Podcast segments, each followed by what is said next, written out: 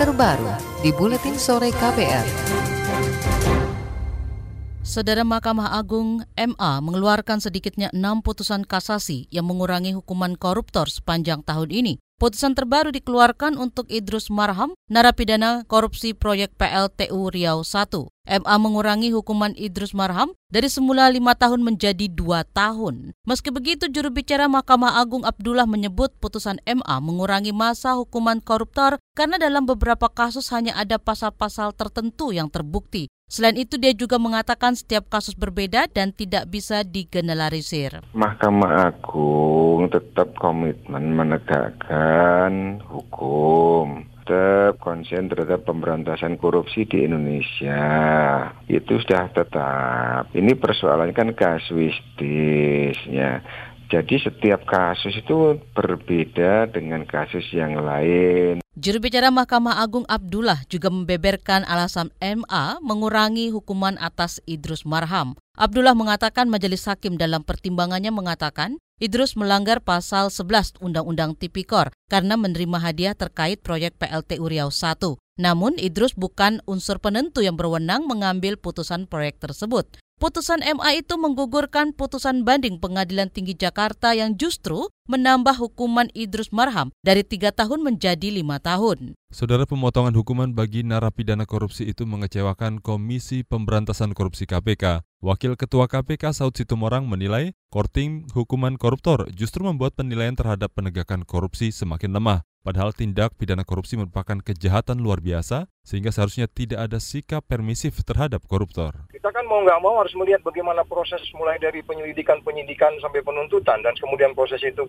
diselesaikan. Nah itu kan sudah jalan panjang yang proses-proses menuju ke adil seadil-adilnya itu sudah dilakukan. Tiba-tiba ada putusan yang kemudian itu pemotongan, of course itu di luar kompetensi kita. Tetapi kalau kita mau berdiskusi lebih lanjut, apakah itu sudah kita lakukan dengan adil? Sekali lagi saya tanya, ada seribu kasus, ada seribu orang yang sudah kita penjarakan. Bagaimana dengan yang lain? Kalau mau adil yang lain harus dikasih. Wakil Ketua KPK Saud Situmorang mengatakan KPK tidak dapat bertindak untuk merespons putusan hakim yang sebelumnya sudah ingkrah. Saud beralasan hal itu di luar kompetensi KPK. Ia pun menyerahkan penilaian pemotongan hukuman napi korupsi ini kepada masyarakat. Saud juga menyinggung indeks persepsi korupsi Indonesia yang masih rendah di tingkat internasional. Sementara itu, saudara anggota Komisi Hukum DPR Taufik Basari menilai putusan pengurangan hukuman pidana bagi koruptor oleh Mahkamah Agung perlu dilihat secara utuh. Menurutnya, kesan obral pengurangan putusan hukuman pidana harus dihilangkan dengan mengklarifikasi pertimbangan putusan secara jelas. Putusan, setiap putusan itu harus kita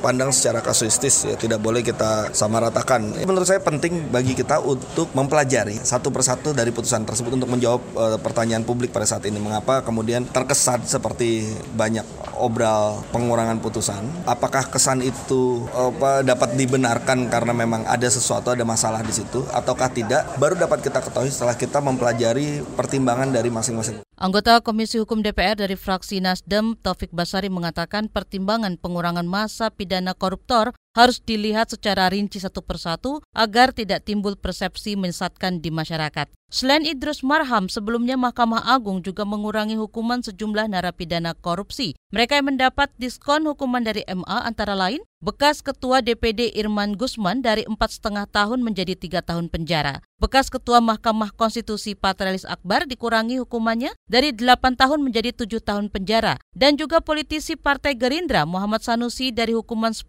tahun menjadi 7 tahun penjara. Peneliti anti korupsi dari Indonesia Corruption Watch ICW Kurnia Ramadana menilai pemberian potongan masa hukuman yang diberikan MA kepada narapidana korupsi hanya akan membuat citra lembaga itu runtuh di mata publik. Menurut catatan ICW, tren vonis untuk narapidana korupsi masih sangat rendah. Ya, kita sebenarnya tidak lagi kaget ya melihat MA terus-menerus memberikan vonis ringan atau mengurangi hukuman dari para pelaku korupsi begitu. Karena toh juga catatan ICW tren vonis sepanjang tahun 2018 itu hanya menyentuh dua tahun dan lima bulan penjara. Jadi masih sangat rendah. Ini yang sangat kita sesalkan dan sehingga kita memprediksi jika kondisi seperti ini terus menerus, maka citra Mahkamah Agung pasti akan runtuh di mata publik. Peneliti ICW Kurnia Ramadana menilai saat ini tidak ada lagi sosok hakim agung yang dikenal kerap memberi masa hukuman maksimal bagi para koruptor. Selain itu juga terlihat dari vonis yang tidak berimplikasi serius pada konteks penghukuman pelaku korupsi. Kurnia mendesak Ketua MA Hatta Hali melakukan evaluasi dalam Mahkamah Agung untuk mencegah kasus obral potongan masa tahanan ini terulang kembali. Jika tidak, menurut dia, hal itu semakin menjauhkan Indonesia untuk bebas dari korupsi. Saudara sejenak kita berolahraga bersama Agus Lukman. KPR Sport. Kontingen Indonesia kembali menambah perolehan medali emas di ajang SEA Games 2019 yang digelar di Filipina.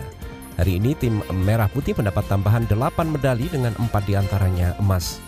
Tambahan emas salah satunya dipersembahkan atlet cabang olahraga menembak Vidya Rafika dan Fathur Gustavian. Kini total Indonesia memperoleh 23 medali emas dan naik satu peringkat ke posisi 3 klasmen sementara. Panitia penyelenggara olahraga maraton Singapura meminta maaf kepada masyarakat pengguna jalan atas kemacetan lalu lintas dalam lomba maraton sepanjang 42 km. Dalam lomba yang digelar Sabtu sore lalu, kemacetan terjadi di mana-mana karena ada penutupan jalan untuk memberi ruang pada para pelari. Bahkan ada ruas jalan yang ditutup selama dua hari. Masyarakat membanjiri pemerintah dengan protes dan keluhan. KPR Sport.